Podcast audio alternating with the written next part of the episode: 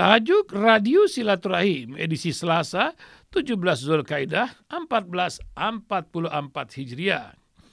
Bertepatan dengan 6 Juni 2023. Diberi judul Penjual roti bagel di puncak kekuasaan Turki, sebuah resonansi Republika tulisan Ikhwanul Kiram Masyuri. Turki, 15 Juli 2016. Presiden Recep Tayyip Erdogan muncul di sebuah wawancara saluran pribadi melalui aplikasi FaceTime di iPhone penyiar televisi Han untuk on air di CNN Turk. Erdogan saat itu sedang liburan di Marmaras menginstruksikan rakyat Turki turun ke jalan-jalan, alun-alun, bandara guna menggagalkan kudeta militer. CNN Turki saat itu luput dari penggerbekan pelaku kudeta. Pada waktu yang sama semua kamera dunia bergerak ke arah Turki. Demokrasi dipertaruhkan. Turki akan kembali dalam cengkraman tentara. Namun yang terjadi kudeta gagal total setelah rakyat di segala lapisan turun ke jalan. Kudeta gagal Erdogan lebih kuat dari sebelumnya dan pada Ahad malam pekan lalu Erdogan pun merayakan kemenangannya bersama jutaan pendukung. Ia terpilih kembali menjadi presiden Turki. Kemenangan itu sekaligus menambah panjang kekuasaannya yang sudah berlangsung selama 20 tahun. Di atas atap mobil van yang diparkir di depan rumahnya di Istanbul, di dalam di malam yang dingin, Erdogan 69 tahun didampingi istrinya Aminah Erdogan pun berpidato penuh semangat di tengah ratusan ribu pendukungnya. Ia membuka ia membuka dengan bersenandung bagi yang mendengarkan dan tidak mendengarkan, bagi yang bertanya dan tidak bertanya. Kami berkata, kami mencintai kalian. Di sela-sela pidatonya, Erdogan juga mengatakan, bye-bye Kamal. Ia melambaikan kedua tangannya seolah mengucapkan selamat tinggal kepada orang tersebut. Kemal yang dimaksud adalah Kemal Khalid Daraglu, 74 tahun, saingannya dalam pemilu presiden. Ia pemimpin Partai Rakyat Republik. Ia didukung enam partai yang secara ideologi sangat berbeda dari sekuler, liberal, nasionalis hingga Islam. Bahkan, ia juga didukung dua partai yang dibentuk dua kolega Erdogan di AKP yang membelot, Ahmad Davatoglu dan Ali Babacan. Enam partai ini tergabung dalam koalisi rakyat yang baru dibentuk menjelang pemilu. Tujuan koalisi hanya satu, menggulingkan Erdogan. Sebelumnya banyak pengamat yang memperkirakan Erdogan akan tumbang. Pun berbagai lembaga survei, juga media dan sejumlah pemimpin barat. Apalagi ekonomi Turki sangat buruk.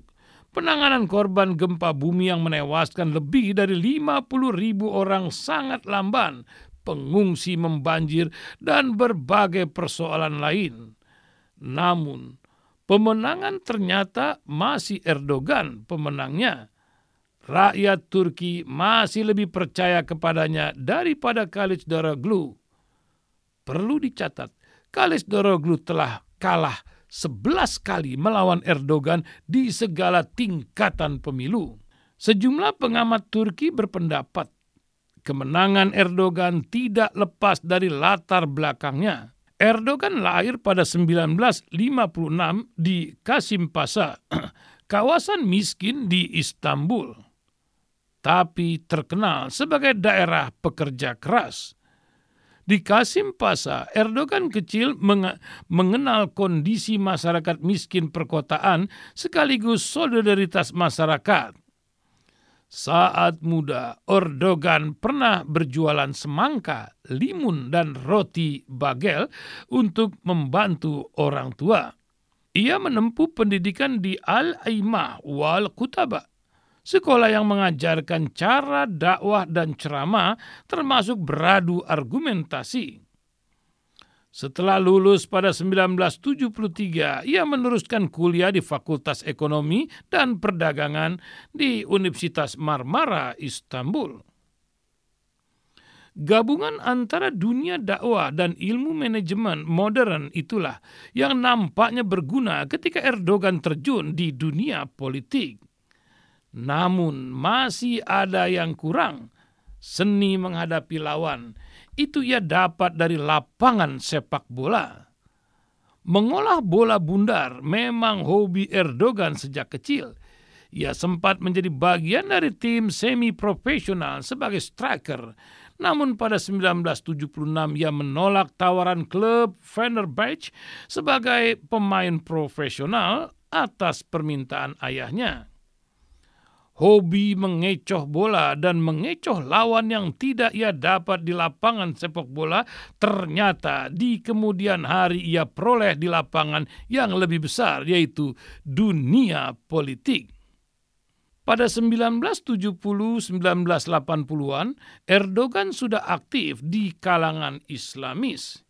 Ia tergabung dalam Partai Kesejahteraan Rafah pro-Islam pimpinan Nehmetin Erbakan. Ketika partai itu semakin populer pada 1990-an, Erdogan mencalonkan diri sebagai wali kota Istanbul pada 1994 dan berhasil. Istanbul adalah kota padat penduduk dan persoalan. Namun dalam empat tahun Erdogan berhasil mengubah kota yang paling jorok di Eropa itu menjadi kota indah dan aman yang menjadi tujuan wisata dunia. Keberhasilan itu tentu menjadi pembuka jalan bagi karir politik Erdogan selanjutnya. Perdana Menteri Turki. Namun, pada 1997 ia tersandung bait puisi yang ia sampaikan ketika berpidato di depan umum. Ia dituduh telah melanggar sekulerisme negara Turki. Salah satu bait puisinya berbunyi, Masjid adalah barak kami, kubah adalah helm kami, menara masjid adalah bayonet kami, dan orang-orang yang loyal adalah tentara kami. Ia pun dipenjara selama empat tahun. Penjara nampaknya menjadi tempat yang baik bagi Erdogan berkontemplasi dan merencanakan langkah-langkah politik berikutnya. Selepas dari penjara, ia pun menempuh jalan berbeda dengan mentor politiknya, Erbakan, yang dikudeta oleh militer ketika menjadi Perdana Menteri. Pada 2001 ia membentuk partai baru, Partai Keadilan dan Pembangunan AKP yang mengedepankan sekularisme Turki tetapi dengan ruh Islam. Pada 2002, AKP memenangkan pemilihan parlemen yang kemudian mengantarkan Erdogan menjadi Perdana Menteri setahun kemudian. Sepanjang kepemimpinannya, Erdogan juga tumbuh sebagai tokoh penting dalam politik internasional.